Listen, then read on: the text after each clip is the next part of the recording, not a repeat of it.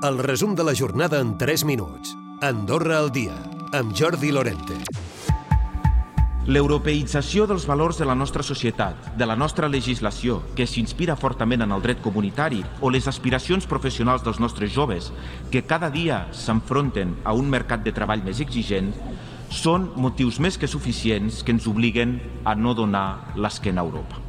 És Xavier Espot, el cap de govern participant a l'Assemblea General de les Nacions Unides, eh, parlant del moment crucial per a aquest futur de les negociacions d'aquest acord d'associació amb Brussel·les, destacant la importància d'aquest apropament a Europa, un discurs que ha dedicat també a la lluita del canvi climàtic i que ha recordat que afecta directament Andorra en ser un país d'alta muntanya.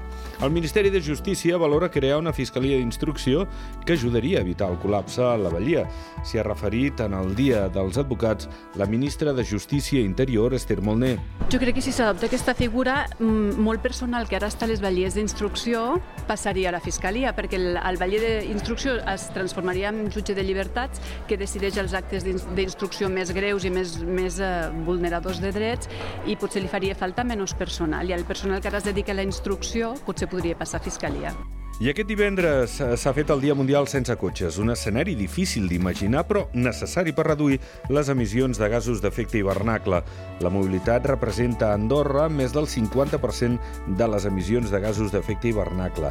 De fet, són 135.000 desplaçaments motoritzats diaris en vehicle privat. El secretari d'Estat de Transició Energètica, Transport i Mobilitat, David Forner, ha dit que s'han impulsat diferents campanyes per sensibilitzar i reduir els vehicles de la carretera. Això va una mica doncs, en línia amb l'estratègia que s'han seguit en aquests anys, amb els compromisos internacionals que tenim a Andorra, que s'han signat i que, que provenen de la llei de, de transició energètica i del canvi climàtic per un costat i després les estratègies nacionals de, de mobilitat i d'energia del 2021-2050 amb els quals hi ha eh, prevista una descarbonització del sector del transport al 2050. El Ministeri de Salut ha confirmat 5 casos de tosferina i n'ha descartat dos. El primer es va notificar el 23 d'agost i l'edat mitjana dels casos confirmats és de 33 anys, amb un 60% de dones afectades. 1.500 estudiants de 16 centres escolars han participat en la novena edició de la setmana del Clean Up Day.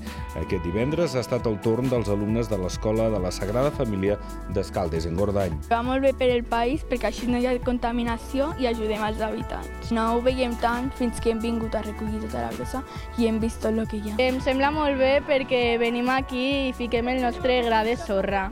I avui en esports, Mònica Dòria ha fet història, ha aconseguit aquesta tarda un dels millors resultats dins l'esport nacional. Ha estat amb una sisena plaça en la disciplina de canoa.